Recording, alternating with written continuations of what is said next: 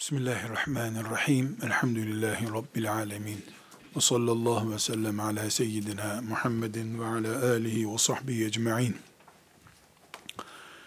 Gençlerle hadisi şerifin kesiştiği noktayı ele almak istiyorduk. Bugün bu derse gelmeden önce e, bir genç misafirim oldu. Arkadaşlarla beraber genci misafir ettik. Hepimize ibret olması bakımından size zikretmek istiyorum. Gençle bir saatten fazla bir muhabbetimiz oldu. Şimdi biz burada gencin hadise sahip olması ne kadar önemli. Sahabenin gençleri görünce yüreğimin sevdası, hoş geldin demesi, muhaddislerin gençlere yer açın, gençler öne geçsin demesi ne anlam ifade ediyormuş diye biz bizzat yaşadığımız sahne oldu hafız kardeşlerle beraber. E, genç babası e, Suudi Arabistan'da bir fabrikada çalışan bir eleman, bir alim çocuğu değil, genç. E, 18 yaşında e, Suudi Arabistan'a göçünce babası e, boş kalmasın çocuk diye bir hoca efendiye vermiş bunu. Yani böyle bir planlı, programlı eğitim de yok. Boş durmasın burada diye vermiş. Çocuk hafız olmuş. E, iki buçuk senede de Buhari ve Müslim ezberlemiş. Sordum. E, sorduğum sorulara cevaplar verdi. Hadisleri okudu. E, çok böyle olağanüstü bir gayret de göstermemiş çocuk. Dediğim gibi baba Arabistan'dayız, ailece boş duruyoruz. Ne yapayım? Burada gibi mollanın yanına gitsin gibi. Yani bir noktada bana geliş nedeni de çocuk Buhari ve Müslim ezberlemiş bir miktar e, Selefi denen ekolün etkisinde kalmış. Başlamış babasıyla tartışmaya. Babası da ya bak bunda bir e, yani niye benimle tartışıyor gibi. Çoğu meseleleri anlamıyor babası. Epey oturduk, konuştuk. E, belli e, onu e, tenkit ettiğim şeyler oldu. E, çocuk ama kendisini İmam Buhari'nin uzantısı görüyor. Ahmet bin Hanbel'in uzantısı görüyor. Hmm, bir mesuliyet altında hissediyor kendisini. Ümmetime hizmet edeceğim, Türkiye'ye geleceğim, Darul Hadis açacağım ben buralarda. Ee, yeniden hadisi canlandıracağım diyor. Ee, çok e, duygusal anlarımız oldu. Yani kucakladım, bağrıma bastım. Elini uzatsa öperdim. Çok enteresan dedim ki akşam bizim işte bu dersi zikrettim dersimiz olacak. Ee, sen de gelsen olur mu dedim. Ee, hiç düşünmeden dedi ki sen beni teşhir edersin orada dedi. Allah için yaptığım bir işi sen orada reklama dönüştürürsün gelemem dedi. Çok hoşuma gitti bu tespit. Yani 18 yaşında henüz. Bıyıkları bitmemiş. Ee, niye evlenmedin madem bu kadar sünnete düşkünsün dedim. E dedi sünnete düşkünüm ama dedi her şeyin vakti yok mu dedi. Böyle çok mantıklı cevaplar da verdi. E, yer yer e, sen ayetsiz hadissiz konuşuyorsun diyor. Ayet söyle. Nereden çıktı bu söz? Hadis söylesene diyor. E, yani ciddi tartışsam e, zorlayacak diyebilirim. Çok güzel muhabbet ettik. E, içindeki Türkiye'de Darul Hadis kuracağım. İmam Buhari'nin sahihini ihya edeceğim düşüncesi çok hoşuma gitti. Çok mutlu oldum. 18 yaşında bu duyguyu taşıyan 58 yaşında buna muvaffak olur Allah'ın izniyle. Ama öyle evleneyim, askere gideyim, geleyim, akademik çalışmalarım bitsin. İnşallah melekler bir bina yaparlar. O binanın üstünde de ben ders okuturum. Zanneden çok bekler e, o yaşlarda daha çekirdek yaşlarında bu düşünceye sahip olması çok hoş bir şey. E, tebrik edince ben asıl anlatacağım şey ya dedi neyi mi tebrik ediyorsunuz ki dedi. Neden tebrik ediyorsun? Benim hocamın bir talebesi daha var dedi. 11 yaşında dedi. E 8 kitabı ezber biliyor dedi. Hangi 8 kitabı dedim. E dedi Buhari, Müslim, Ebu Davud, Nesai, İbn Mace, Tirmizi, e, Daremi ve Darekutni sekiz kitabı ezber biliyor dedi. Dedim nasıl ezberledi onu? Geçen sene daha imtihanı oldu dedi. İmtihanda dedi işte Kasım diye bir yer var. Orada bütün ulema toplantı imtihan ettiler dedi. E, muvaffak oldu dedi. Yani sekiz kitap arkadaşlar sekiz forma değil. Sekiz kitap asgari tekrarlar itibariyle tabi e, yaklaşık olarak 30 bin civarında hadis demek. An Ebi Hureyre diye başlıyor. Çok muhteşem bir şey, görülmez bir mucize gördüm diye bunu anlatmıyorum.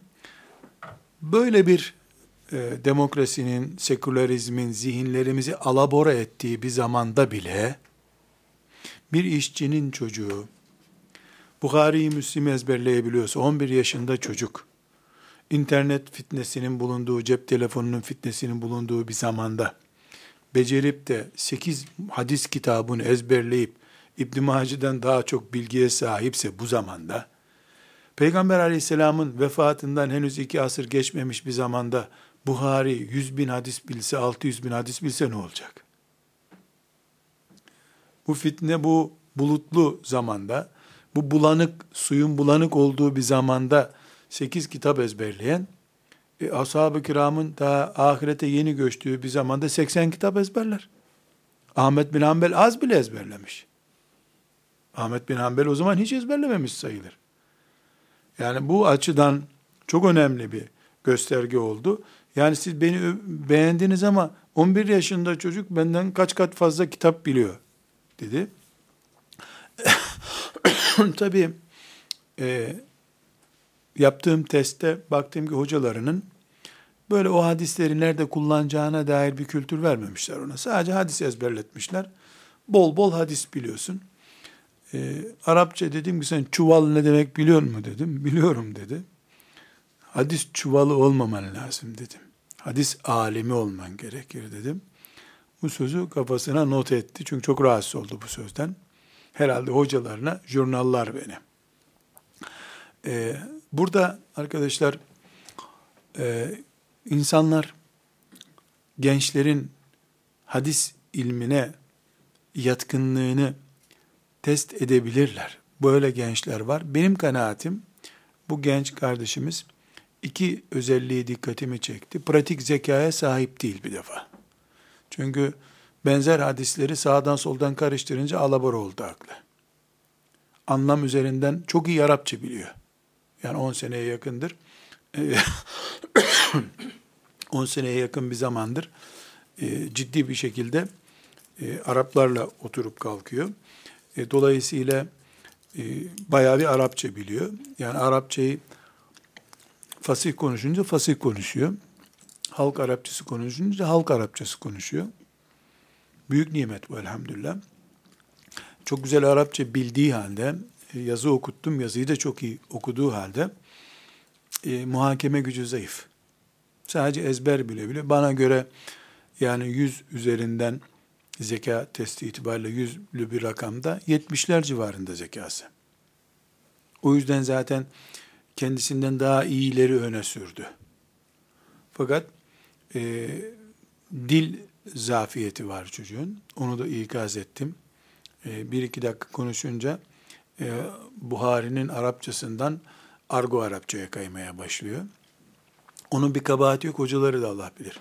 Öyle konuşuyorlardır. Keşke kabul etseydi, buraya getirseydim. Buraya gelme işi çok enteresan. Teşhir, riya yapacaksın, beni günah sevk edeceksin dedi. Ben Allah için yapıyorum bu işi. Yani çok hoşlandım. 18 yaşında takvayı düşünmesi, teşhiri kabul etmemesi, Allah razı olsun yavrum deyip alnından öptürecek bir iş. Elhamdülillah. İnşallah ömrü ilerledikçe daha büyük işleri Allah onu muvaffak kılar. Fotoğrafını çekelim Twitter'da yayınlarız dedim kabul etmedi. E fotoğraf dedi hadis-i şeriflerde haram dedi. Dedim fotoğraf değil haram, resim haram sen yanlış anlıyorsun. Bir şüphe var ya boş ver dedi. Şüpheli de olsa yapmayalım biz dedi. E ne güzel elhamdülillah. Koca koca e, Müslüman insanlar 50 yaşında 60 yaşında faize fetva arıyorlar. E bu da 18 yaşında bir delikanlı. Beni imtihan etmeye kalktı. Yani sen hadis düşmanı mısın, nesin gibi böyle işte dedikodular duymuş. E, yani çok güzel, çok hoş. 18 yaşında değil de 58 yaşında benden 5 yaş, 6 yaş büyük gibi hissiyat uyandırdı içimde. Çok mutlu oldum. Peygamberimin sallallahu aleyhi ve sellem hatırası namına çok mutlu oldum elhamdülillah. Evet, mesela ben onu e, hadis ezberletseydim, e, Buhari'nin konularını tasnif edemiyor. Hocası önemsememiş. Yani sıradan ezberle demiş. Bizim de de hafızlık böyle yaptırılır. Kasas suresini oku desen okuyamaz çocuk. Filan sureden elif la mim diye başla desen dibinden yukarı okur, altından okur. Onun Kasas suresi olduğunu bilmez. Yani Ali İmran suresini eh üçüncü sure diye belki bilir. Öyle rahat dedin mi bitti şimşek çarpar onu. Daha hiç bir sure bilmesi mümkün değil. Yani Kur'an-ı Kerim amel kitabı olarak verilmediği için hafızlara bizde sadece ezberlemesi, yanlışsız okuması hesap edilir. Bunu da öyle yapmışlar. İşte bey babındaki filan meseleden hadis oku deyince durdu. Hadisin başını başlayınca dibini çıkarıyor ama. E, keşke buna biraz daha e, şuurlu bir hoca o hadisleri kullandırtmak maksadıyla yetiştirseymiş, nur üstüne nur olacakmış. Ama bu haliyle de zemzemle yıkanmış gibi mübarek. Elhamdülillah. Çok e, özellikle e, mutlu oldum. Peyg- dediğim gibi peygamberimin sünnetinin adına, hadislerin adına mutlu oldum. E, izahat verdi. Onun gibi onlarca genç ezberliyorlarmış böyle dedi. Daha önce de e, bu felaket yıllarından önce Nurettin Atır hocamız Şam'da bayanlara aynı şeyi yaptırıyordu. Daha da kaliteli bir şekilde yaptırıyordu. Şimdi tabii Şam diye bir şey kalmadığı için coğrafyada maalesef o imkandan da e, mahrum olduk. İnşallah bir gün e, yeniden Müslimlerin, Buharilerin, İbn Macelerin görüleceği, e, yetişeceği e, müesseseleri kurmayı Allah bize de nasip eder. E, yani üstelik de hocalarının bir kısmını ben tanıyorum, gençin zikrettiği. Yani vazifemiz bizim hadis okutmak diye düşünen, böyle bir siyaset, dünya kültürü diye bir dertleri olan insanlar değil, öyle. Onlar da öyle yetişmemiş. Bol bol hadis-i şerif okutuyorlar, ezberletiyorlar. Hangisiyle amel edeceğini bilmiyor. İşte eteğin kısa olsun, işte şöyle üç tane, beş tane, yirmi meseleleri yok dünyada. Yirmi meselesi yok. Mesela samimiyetimi ölçmek için bana Muhammed İbni Abdülvehhab hakkında ne düşünüyorsun dedi. Tabi genç olduğu için ulu orta bu e, çanak soruya kim cevap verir sana bunu düşünemedi çocukcağız. Yine ben samimi bir şekilde düşündüklerimi söyledim. Ee, çok enteresan e, sen dedi Vahabiliği sevmiyorsun herhalde dedi. Evet dedim. Peşinden Amerikancı ilavesi bulunan hiçbir şeyi sevmiyorum dedim. Başında Ahmet bin Ambel olan şeyleri seviyorum ben dedim. Biraz sonra dedi ki ben de senin gibi düşünüyorum dedi. O anda bir şey demedi. Düşündü, düşündü. E, çok hoş. Elhamdülillah. Yüreğimden dua ettim gence. E, özellikle dua ettim. E, ona da dedim ki bak senden önce de bu hırsla bu memlekete gelenler çok güçlü ilim sahibi oldukları halde e, yığınla hadis ayet bildikleri halde bu memleketin diline vakıf olmadıkları için bu memleketin sosyal yapısını tahlil edemedikleri için rigid olarak köşelerde kaldılar. Etrafında insan toplayamadılar. Doğru şeyleri söylerken bile insanlar onları eğri kabul etti. O yüzden sen iki şeyi ihmal etmeyeceksin dedim. Birincisi bu Arapçan gibi Türkçen olacak dedim. Arapçası çok güzel. Yani okurken filan dikkat edince kaliteli bir Arapçası var. Çünkü Buhari ezber bilen zaten Arapçanın aslını biliyor demektir. Dikkat edeceksin dedim. Türkçen çok iyi olacak. İkincisi altı ay geçmeyecek. Gelip Türkiye'de bir ay kalacaksın dedim. Onlarca gencin bulunduğu bir yer bulacaksın. Türkiye'nin sosyal yapısını tahlil edeceksin dedim. Yoksa Darul Hadis'i Türkiye'de mezarlıklarda Karacaahmet'te kurarsın dedim. Mezarlıklarda Darul Hadis kuracaksan kur. Ölülerle beraber bol bol okursunuz dedim. Melekler gelir gecesi dinlerler orada. Hayır, yaşayanlarla beraber hadis okuyacaksan ve gayen sallallahu aleyhi ve sellemin sünnetini ihya etmek, Bukhari'yi canlandırmak, muasır Buhari olmak gibi bir gayen varsa ki böyle olmalı, o zaman bu memleketin sosyal yapısını bilen biri olacaksın dedim. Gençlerin taleplerini, sıkıntılarını tahlil edeceksin dedim. Kendi hocalarının e, karşılaştığı sıkıntılardan ona örnek verdim. Merak etti tabii nereden bildiğimi. E, güzelim dedim. Sen doğmadan Medine'de senin okuduğun yerlerde okudum ben dedim. Mesela kimin talebi, kimden ders okuyorsun? Şankiti'den dedi. Hangi Şankiti dedim. İşte Muhtar Şankiti dedi. Kimin oğlu o dedim. Bilmiyorum dedi. Emin Şankiti'nin oğlu o da benim hocam dedim. Dolayısıyla senin doğmana 10 sene vardı. Ben orada talebeydim dedim. Dolayısıyla senin bak sosyal yapını biliyorum. Bulunduğun yeri, hocalarını e, reaktif hale getiren e, sıkıntıyı biliyorum. Onlardan ben ibret aldım. Geldim buradaki faaliyetlerimi daha sağlıklı nasıl yapabileceğimi onlardan gördüğüm negatif şeyler üzerinden e, etkilenerek kararlaştırdım dedim. Zannediyorum çocuk da benden istifade etti. Ben de ona hayranlığımı gizlemedim zaten. Yani uzat elini öpeyim dedim hatta. E, fakat öyle şeylere iltifat etmiyor. Hadis-i şerifin verdiği bir ağırlık vardır. Yani kolay kolay hadis alimleri arasından e, böyle bir paldır küldür adam çıkmaz. Sert, radikal, keskin kararları olan ama dinden taviz vermeyen tiptir hadis alimleri. Sertlikleri de birinci dereceden kaynak kullanmalarından kaynaklanıyor. Yani rafineri edilmemiş tuz kullanırlar hep. Biz rafineri edilmiş tuz kullandığımız için iyot katkısı filan hep böyle kullandığımız tuzu daha parlak sofrada dikkat çekecek hale getirir ama mideye daha zararlı. Onlar kaya tuzu kullanırlar. Öyle sert, haşindir fakat orijinale daha yakındırlar.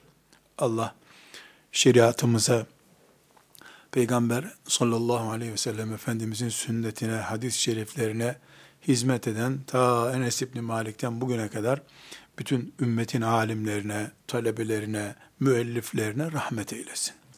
Allah razı olsun onlardan. Bugün Resulullah dedi ki diye bir haz yaşamamıza neden oldular.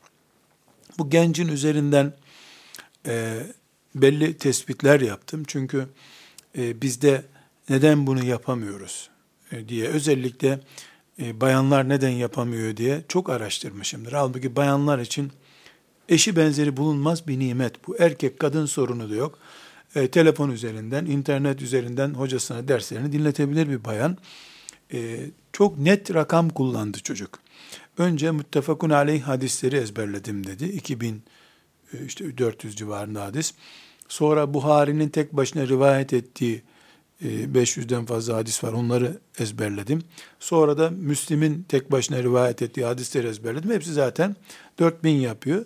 Onlar belli yerlerde sürekli tekrar edildiği için yani 14 bin hadis ama tekrarlarla 14 bin yapıyor. Böyle çok mantıklı bir şekilde ezberletmişler.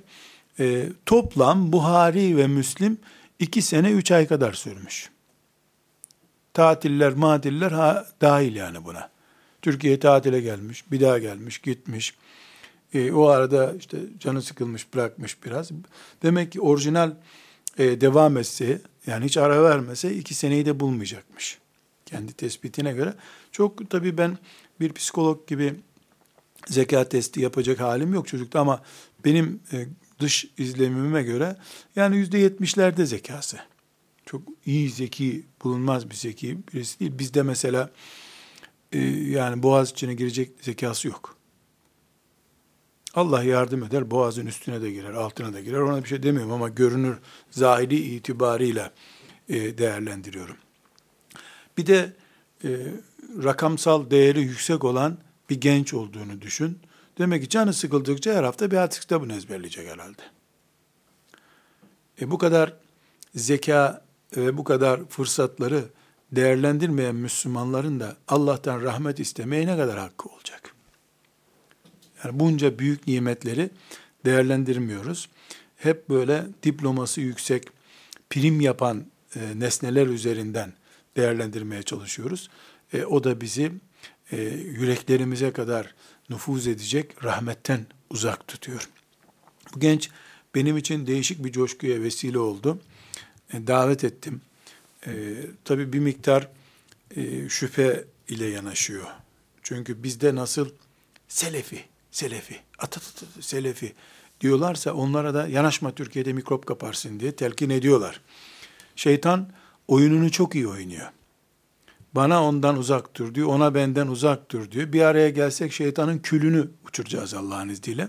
Becerip bizi bir araya gelmiyor. Mesela e, selam verdi, aleyküm selam buyur otur dedim. Önce dedi ben sana dedi bir itiraz etmem lazım dedi. E, buyur dedim. Sen dedi hadisleri tercüme ederken ilave yapıyorsun dedi. Bu yaptığın caiz değil dedi. Nasıl anladın ilave yaptığımı dedim. Ben senin de bir konferansını dinledim dedi. Hadisi okuyorsun dedi. Sonra da dedi hadisin bir kelimesinden on kelimelik anlam çıkarıp yüklüyorsun dedi. İnsanları ikna etmek için hadis uyduruyorsun dedi. Dedim bana bak sen bana zındıklık ithamı gibi ağır bir şey söylüyorsun dedim. Bu yaptığın doğru değil. Bu biraz iftiraya geliyor. İkincisi dedim sen selefi misin dedim. Elhamdülillah dedi. Ahmet bin Hanbel'i kabul ediyor musun dedim. İmamımız dedi. Güzel. O da hadisleri manasıyla rivayet ediyor dedim. Ben Ahmet bin Hanbel'in mezhebindenim. Var mı bir diyeceğin dedim.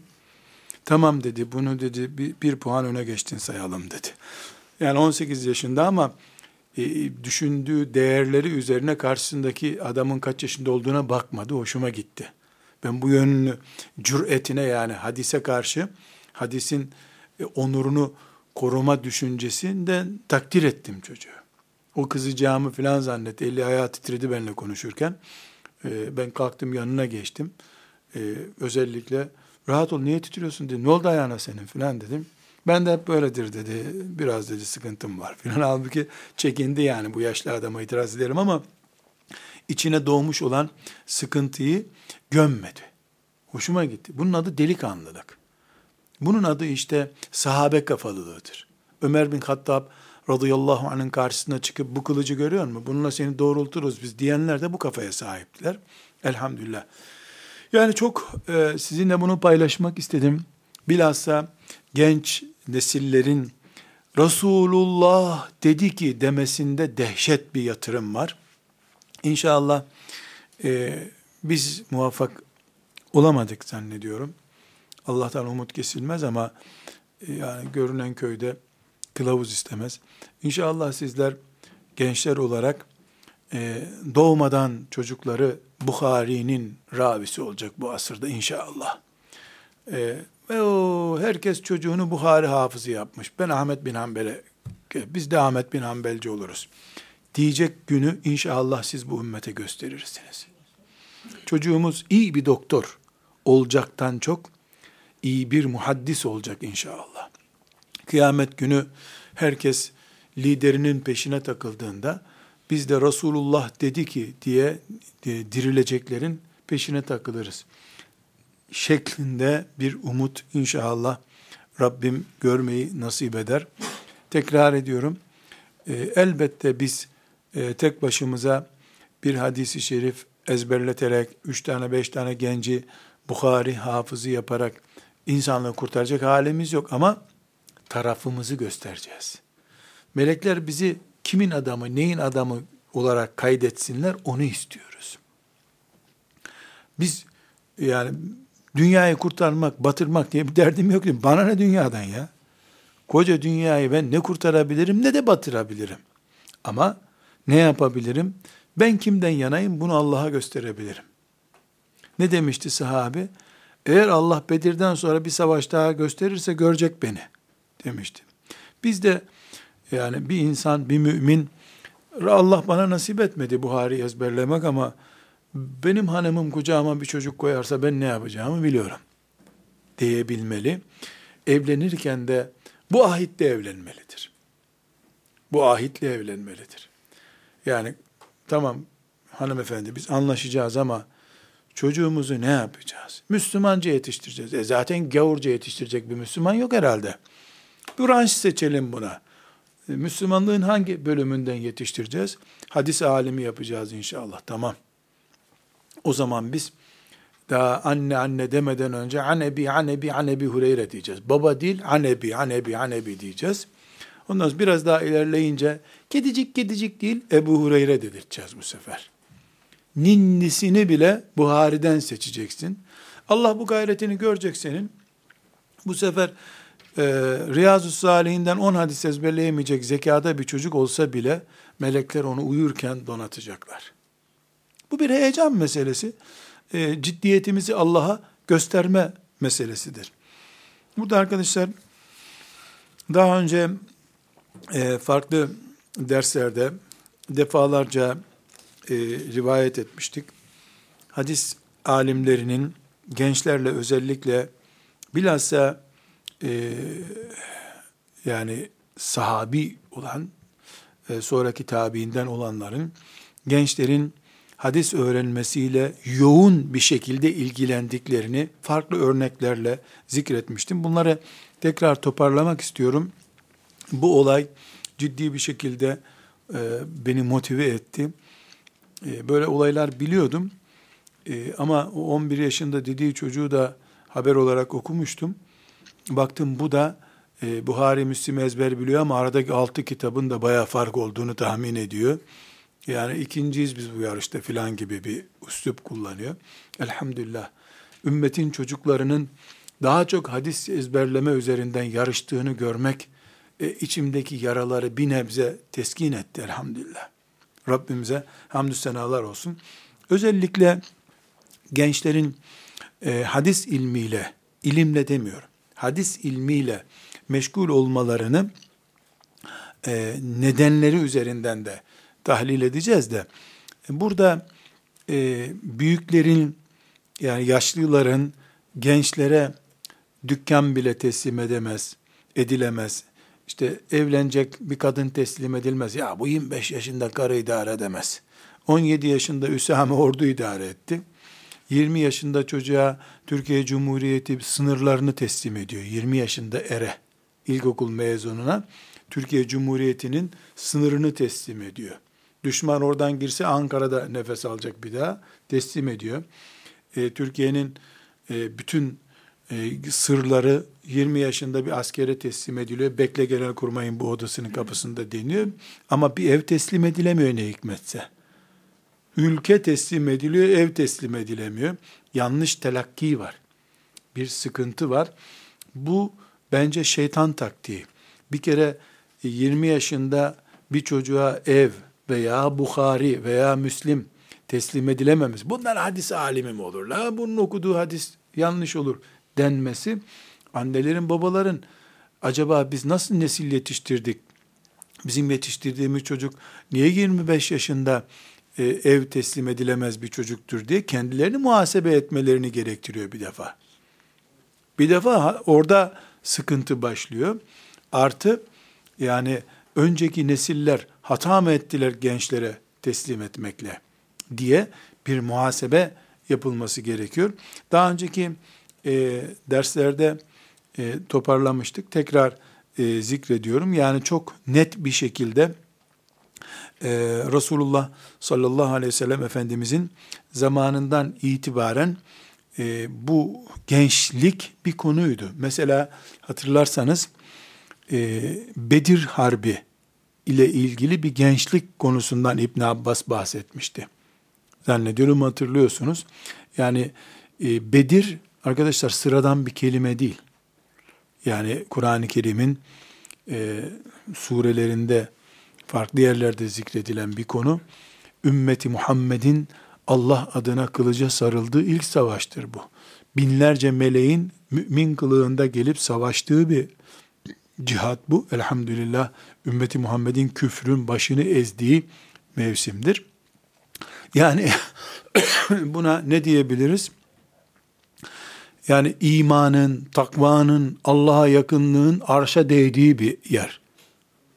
Yani Bedir sıradan bir hacı uğurlama merasimi değil. Göklerle yer birleşmiş. 300 sahabiyle 3000 melek bir araya gelmişler. Yerle gök arası melek dolmuş, arşa doğru kafalar değmiş. Arşa değmiş ashabın kafası. Efendimiz sallallahu aleyhi ve sellem en büyük isteklerini Allah'tan o gün istemiş. İslam, iman, takva, cihat, şehadet zirve yapmış. O, o günden sonra bir daha o zirveyi yapmadı. Şehadet arzusu. Yani müthiş bir e, Ramazan günü, müthiş bir e, iman, heyecan, Peygamber aleyhisselam ve ashabı bir bir tek et gibi olmuşlar, böyle bir vücut haline gelmişler. Böyle bir ortamda İbni Abbas ne diyor radıyallahu anhuma? Resulullah sallallahu aleyhi ve sellem cephede yer dağıtınca, sancakları dağıtınca gençler öne atıldılar. İhtiyarlar geride beklediler. Sonra kısa bir zamanda Allah zaferi ihsan edince bu sefer ihtiyarlar e, arkada güveni sağlamasaydık biz siz önde nasıl çarpışacaktınız deyiverdiler diyor. İbn Abbas radıyallahu anhuma hadis-i şerif sahihtir. Yani böyle sıradan bir menkıbe değil bu. Gençler de ne diyorsunuz siz ya? Siz orada ağaçların altında gölgeleniyordunuz. Biz burada kılıçların altındaydık. Ok yağmuru bizim üzerimize geldi dediler. Tartıştılar. Anil enfal. Kulil enfalu lillahi ve rasul. Fettekullaha ve aslihu zâte beynikum ayeti. Bunun için indi. Yani tartıştılar. Ya arkadan biz bekledik sizi öbürü de beklemeseydiniz ha biz burada zaten savaşıyorduk deyiverdiler. Ee, Allah bırakın bu kavgayı peygambere teslim olun dedi. Amenna dediler bıraktılar. Ama her halükarda genç ve yaşlı ayrımı Bedir'de vardı. Dolayısıyla Müslümanların kurduğu bir dernekte ya bu ihtiyarlar mı hep bizi yönetecekler? Biraz da gençler olarak öne çıkalım. Sözü çok da yabani bir şey değil. Bedir'de olduysa bu e, bizden herhangi birisinin derneğinde, caminin derneğinde veya Müslümanların bir sebeple yönettiği bir şirkette, kooperatifte böyle bir tartışma olmasında sıkıntı yok da Allah'tan korkun dendikten sonra hala Allah'tan korkmadan iş yapmakta sıkıntı var. Yoksa tartışma insanlık halidir. E, tıpkı ne gibi? İnsan bağırsaklarında pislik taşır ama evin ortasında abdest bozmaz, tuvalette bozar. Ayıp olan pislik taşımak değil, evin ortasında bir iş yapmak. Tuvalete gittin mi insan hali olur gibi böyle bir değerlendirme yapıyoruz. Yani bir gençlik karakteri farkı. Bir başka örnek konuşmuştuk hatırlarsanız. Ee, Ebu Bekir radıyallahu anh e, Kur'an-ı Kerim'i cem etme, bir araya getirme konusunu Zeyd bin Sabit radıyallahu anh'a e, devrettiğinde ashab-ı kiramın istişaresiyle e, ona sen gencimiz, alimimiz ve itham edilmemiş birisisin. Tecrüben de var. Vahiy katipliği yaptın. Sen Kur'an'ı bir araya getir diye onu bugünkü ifadelerle söyleyecek olursak komisyon başkanı yapmıştı. Bugün ve yarın ve kıyamete kadar okunan Kur'an-ı Kerim e, ve musaflarımız Zeyd bin Sabit kaşesi taşıyor. Bu Zeyd bin Sabit adına çok muhteşem bir şey. Yani Kuzey Kutbu'ndan Güney Kutbu'na kadar, Amerika'sından Çin'ine kadar nerede birisi açıp Bismillahirrahmanirrahim diye Kur'an okuyacaksa Zeyd bin Sabit'in kaşesini görecek orada. Vallahi bu hangi duasından dolayı ona nasip oldu bilemiyorum yani. Bu muhteşem bir şeref. Büyük bir hizmet. Yani öyle bir Kur'an kursunda üç çocuğa elif cüzü okutmayla filan kıyas edilecek bir şey değil. Çok büyük bir hizmet. Allah ondan razı olsun. Ama Ebu Bekir radıyallahu anh bunu nasıl ona takdim etti? Gençsin. Gençsin. Senin sabıkan yok, tecrüben var. Hafızsın. Bu işi sen yap dedi. Bundan anlaşılıyor ki Ebu Bekir radıyallahu anh'ın kafasında gençlik bir avantajdır.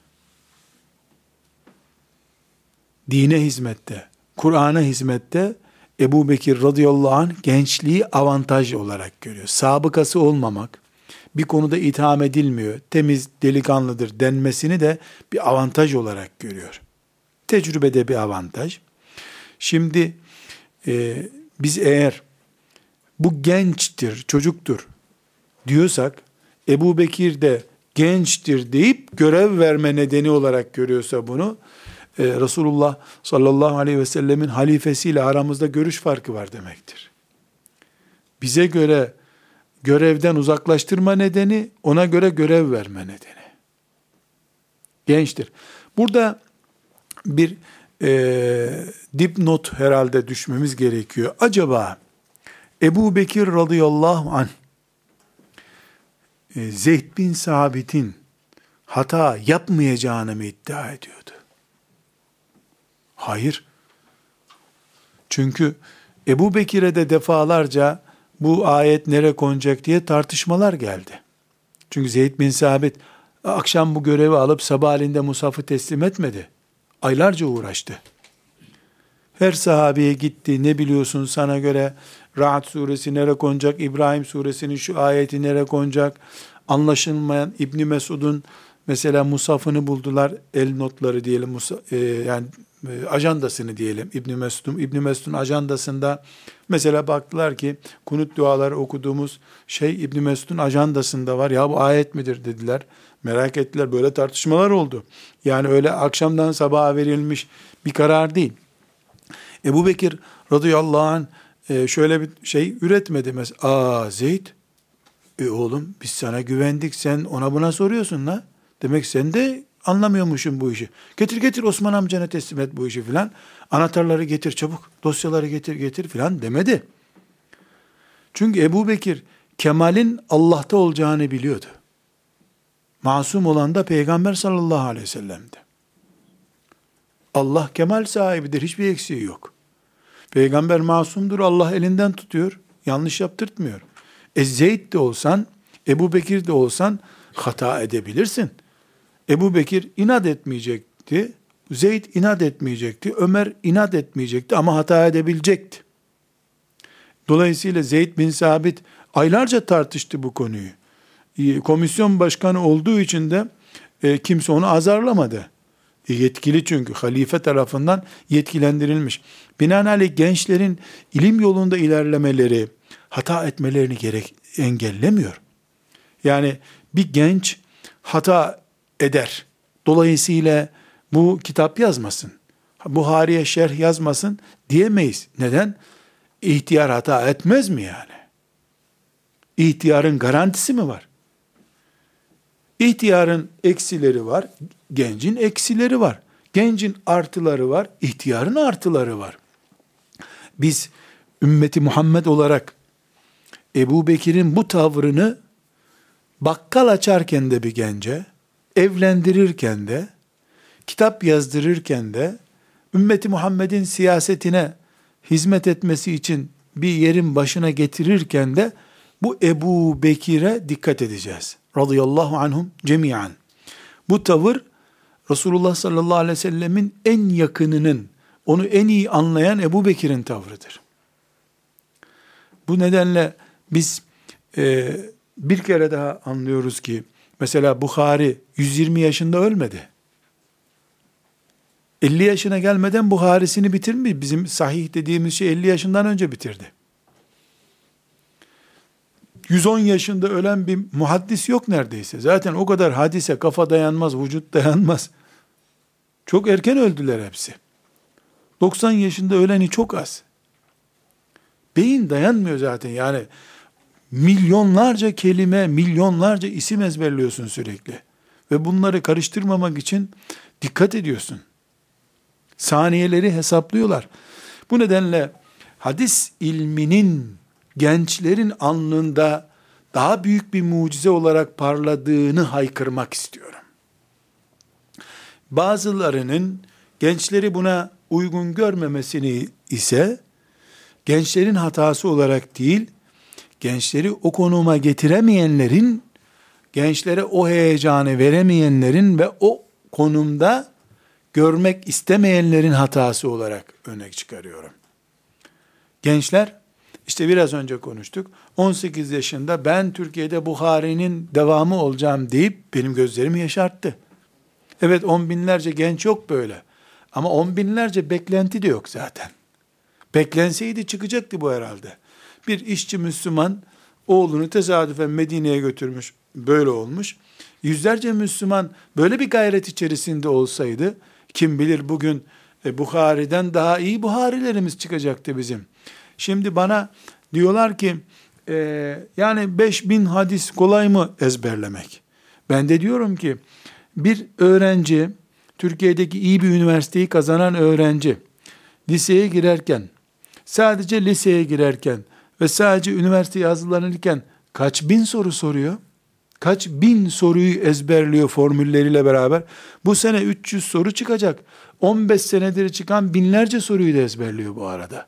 Yani biyoloji gibi eğri büğrü rakamlar, simgeler üzerinden olunca e, beyin kabul ediyor bunu da Allah ve Resulullah diyen sözlerde mi sıkıntı olacak? Ama tabi ailenin, mahallenin, toplumun, hocaların bile putu üniversite olunca e, Bukhari'ye e, doktora da ya sıra gelecek ya da gelmeyecek. Doktoraya gelince de, master'a gelince de zaten evlenmiş oluyor, çoluk çocuğuna karışmış oluyor. E, bütün emekler boşa çıkıyor. Halbuki e, biz daha önce öğrenmiştik.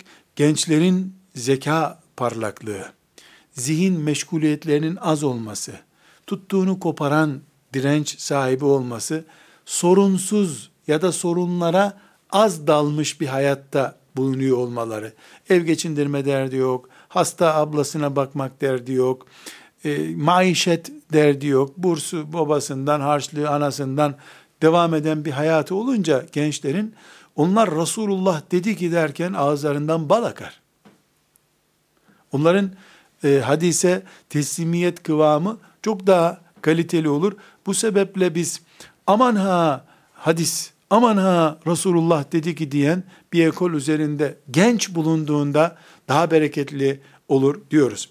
Burada e, önceki derslerimizde Ebu Said el-Hudri radıyallahu anh'ın e, sahabilerden Ebu Said el-Hudri radıyallahu anh e, özellikle gençleri görünce hadis halkasında hadis okudukları halkada ey Resulullah'ın vasiyetleri gelin bakalım gelin bakalım dediğini e, nakletmiştik. E, Tirmizi'deki e, ve Tirmizi bir dakika hadisin kaynağını yanlış vermeyelim. Beyhaki'nin Şuabul İman'ından hadis-i şerifi nakletmiştik. E, neden? E, çünkü e, Resulullah sallallahu aleyhi ve sellem Ebu Said el-Hudri'nin de bulunduğu bir yerde yani ashab-ı kiramın ortasında böyle bir övgü yapmayacak olsa Ebu Said el-Hudri gel gel gel diye böyle bir candan alaka göstermeyecekti herhalde. Aynı şekilde Abdullah İbni Mes'ud radıyallahu anh'ın sözünü nakletmiştim. Ne diyordu? Gençleri hadis dersinde görünce kalbimin devaları, kalbimin devaları, göğsümün ilacı demek. Yani demek ki gençlerin onun hadis dersinde bulunmasını yüreğindeki hasretin giderilmesi olarak görüyor. İlgi. Bundan açıkça gösteriyor ki hadisin başı olan Abdullah İbni Mesudlar, Ebu Sa'id el-Hudri'ler radıyallahu anhum cemiyan bir genç tutkunuydular.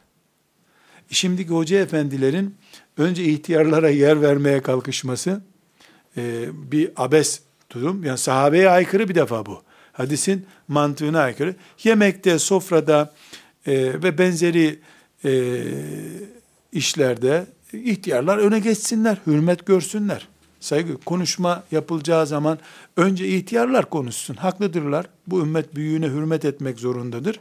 Ama iş ümmetin geleceğine yatırım yapmaya dönünce bu yatırım gencin hakkı olmalı.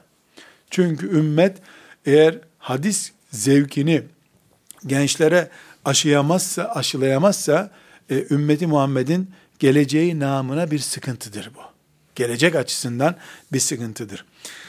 Burada önceki e, derslerimizde e, İbn Kesir'den bir nakil yapmıştım.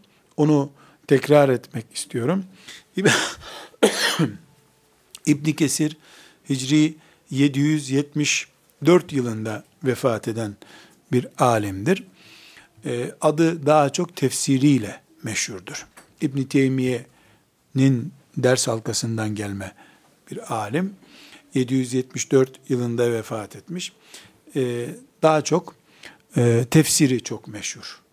Tefsiri Kur'an'ı Kur'an'la ve hadisle tefsir etme yönelik. Yani bir tür rivayet tefsirlerinin en değerli toplusu gibidir. Allah ona rahmet eylesin. Muhteşem bir emek. Muhakkak kütüphanemizde İbn Kesir tefsiri bulunmalıdır. Sıradan bir tefsir değil İbn Tefsir, İbn Kesir tefsiri. Ama İbn Kesir'in diğer e, hadis usulüne dair kitapları da var. Fakat El Bidaye ve Nihaye isimli çok değerli bir tarih kitabı vardır. Hicri 770'lere kadar yani vefatına kadar olan dönemi yazmış. Daha Adem Aleyhisselam'dan başlıyor tarih yazmaya. Eline ne kadar bilgi geçti. Tabi e, şunu özellikle vurgulamak istiyorum. İbn Kesir hadis alemidir. Esasen hadisçidir. E, Şafii mezhebinin ileri gelen ulemasındandır. Fakat bir kitabı hadis kitabı olarak yazdığında mesela İbn Kesir'in e, bütün müsnetleri vesaireleri toplamaya çalıştığı e, bir kitabı da var, hadis kitabı da var. İbn Kesir orada hadisçi kimliğiyle kitap yazar. E, dolayısıyla İbn Kesir'in hadisle, hadise dair bir kitabını okurken biz İbn Kesir otoritesiyle okuruz onu. Ya İbn Kesir uyduruk bir şey koymaz kitaba deriz. Ama İbn Kesir tarih kitabı yazdığı zaman o gözlüğünü almaz yanına. Yani hadis yazdığı zaman işte yedi numara bir gözlükle zayıf, sahih ayrım yaparak yazar. Ha, ki, bu tarih kitabıdır dediği zaman El Bidaye ve Nihai o gözlüğü çıkarır, üç numara bir gözlük kullanır. Bazen de gözlüksüz yazar. O sebeple İbn Kesir'in mesela filan müsnedini okuduğumuz zaman İbn Kesir otoritesi olarak okuruz. Tarih kitabını okuduğumuz zaman bu tarih kitabı diye okuruz. Tefsirini okurken tefs İbn Kesir'in tefsirci kimliği öne çıkar. Yani otorite e, olması her alanda o otoritesini kullandığını göstermiyor.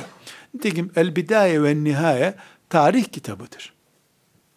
E, bir hadis kitabı gibi, Sahih Buhari gibi, İbn Mace gibi okuyamayız onu. Tarih kitabı olarak okuruz. Bu da ne demek oluyor arkadaşlar? Tarih kitabı olarak okuruz demek, bu kitaptan istifade ederiz ama itikadımızı, e, amelimizi belirleyecek hükümler çıkarmayız bu kitaptan. Çıkaramayız. Dini bir kaynak değil, tarihi bir kaynak çünkü. Resulullah dedi ki demiyor. Filan tarihte şöyle oldu diyor. İbn Kesir'in benim El Bidaye ve Nihayesine e, dikkatimi çeken bilhassa kendisine yakın döneme ait Moğollarla, Moğol baskını ile ilgili şu meşhur Bağdat'ın, Şam'ın, İslam toprağının toz duman edildiği e, Moğol faciasını na dair ayrıntılar El ve Nihaye'de var. Çok yeni, ona yakın bir dönem çünkü. Çok geniş e, bilgiler veriyor. Çok böyle gözden kanlı yaşlar akıtacak heyecanlı sahneleri var. Allah rahmet eylesin. Burada enteresan e, özet olarak zikredeyim. E, kendisine ait dönemde e, bir yani 750'li yıllara ait bir hatıra demek ki e, bir delikanlının Şam'a geldiğini Horasan diyarından Şam'a geldiğini Buhari, Müslim, Ahmet bin Hanbel'in Müsnedi gibi kitapları ezberlemiş gelmiş. bir de gelmiş meydan okuyor yani var mı beni imtihan edecek Şam'da filan böyle bir sanki at yarışı yapacak gibi. İbn Kesir de onun da bulunduğu bir komisyonun bu çocuğun Buhari, Müslim ve diğer hadis kitaplarını ezber bildiğine dair e, iddiasını imtihan etmek için toplandığını anlatıyor. Kendisi anlatıyor. Kendisi de o komisyonda bulunmuş. Hatta diyor ki ben e, Buhari'nin el yazmasını aldım elime önüme koydum. Çocuk okumaya başladı. O ezber okudu. Ben kitaptan takip ettim diyor. Bir gün, iki gün takip ederek Buhari'yi baştan sona dinlemiş bu şekilde. Ee, bunu İbn Kesir e, zamanında gördüğü bir enteresan zeka örneği olarak görüyor. Yani yaklaşık olarak İbn Kesir'in verdiği rakamlardan anladığım şey e, bu çocuk herhalde 50 cilt kitap ezberlemiş. Henüz akıl bali olmadığı halde. Sonra da çocuğu e, çocuğa icazet vermiş. Yani bu dinlediği için ben senin ezber bildiğin hadisleri dinledim diye icazet vermiş. Çocuk da bunun elini öpmüş. Derdim buydu zaten. Senden icazet almak için geldim buralara demiş. Yani İbn Kesir'i duymuş çocuk demek ki. Ee, bu bizim dersimizin başında e, örneklendirdiğimiz e, yani bu asırda 11 yaşında bir çocuk 8 kitap ezberliyor. Ne bu daha önce olmayan bir şeydi, yeni icat oldu. Ne de eskiden vardı da şimdi kimse ezberleyemiyor değil demek ki. Allah İbn Kesir'in zamanında da üstelik de İbn Kesir'in zamanı tıpkı şimdiki Irak gibidir. Çok berbat. Her gün işte bir cami yıkılıyor, her gün bir yer bombalanıyor. Yani Moğol sonrası olan yıllar İbn Kesir'in yılları. Ee, böyle bir yani ümmetin e, enkaz yığınına döndüğü bir dönemde bile Müslümanlar e, işte Tebriz'de, şurada veya Horasan'da bir yerde e, çocuklarına ümmeti Muhammed'in e, bütün hadis külliyatını ezberletebiliyorlar. Sonra da çocuğunu uzmanlık belgesi almak için de Şam'a gönderebiliyorlar demek ki. 15 yaşına gelmemiş bir çocuğu git oğlum icazetini al gel diye Şam'a kadar gönderebiliyorlar Horasan'dan. Yani bunlar elhamdülillah bu ümmetin böyle geçmişi vardı. Rabbimize hamdolsun bugün de böylesi var biiznillahü teala. Allah'ın izniyle kıyamete kadar da kesinlikle bitmeyecek bu. Hiç kimse bu ümmetin Resulullah ile bağlantısını bitiremez. Ha ne olur? Birileri gelir ezan okutturmaz. Öbürleri gelir alfabemi değiştirir. Öbürleri gelir e, Buhari nostaljik kitap olarak kütüphanede bırakar. E, biyolojiyi put haline getirir. Matematiği lat uzza kadar değerli hale getirir. Öbürü gelir Müslümanların zekatlarını, sadakalarını toplar. Amerika'ya gidene burs olarak vereceğim der. Orada onlar e, light kafalı olarak geri gelirler. Bunlar dönemsel fitnelerdir. Bu bir dönemin insanları 10 sene, 20 sene, 30 sene ne kadar murad ettiyse Allah Teala böyle bir bataklığa yakalanırlar. O nesil gider. Ondan sonra Resulullah dedi ki deyince kalbinden bütün heyecanın yüzünden okunacağı kadar mutlu olacak bir nesil gönderir Allah. Ve mâ zâlike alallâhi bi aziz. Allah için zor bir şey değil bu. Yapamayacağı şey değil Allahu Teala'nın yaptı nitekim. Yani Moğol istilası görmüş Şam'da, Bağdat'ta çocuklar e, Buhari, Müslim'i, e, bütün müsnetleri okudular. Aynı şekilde elhamdülillah Moğol istilası görmedik ama daha hafifinde de yaşamıyoruz. Bizim dönemimizde de 11 yaşında genç e, Darakutni'ye kadar hadis kitaplarını ezberleyecek bir heyecana sahip olabilir. Bu bir heyecan meselesi, aşk meselesi. Herkese Allah istediğini veriyor. Kim e, ne istiyorsa onu veriyor. Burada küçük bir e, mülahazamı yerleştirmek istiyorum arkadaşlar. Şimdi bütün bunlar, bu bir tür tenkidimiz, bizim matematiği sevmediğimizi, biyolojiden nefret ettiğimizi göstermiyor. Hayır. İlim olan her şey bu ümmetin mücevheridir. İlim bizimdir.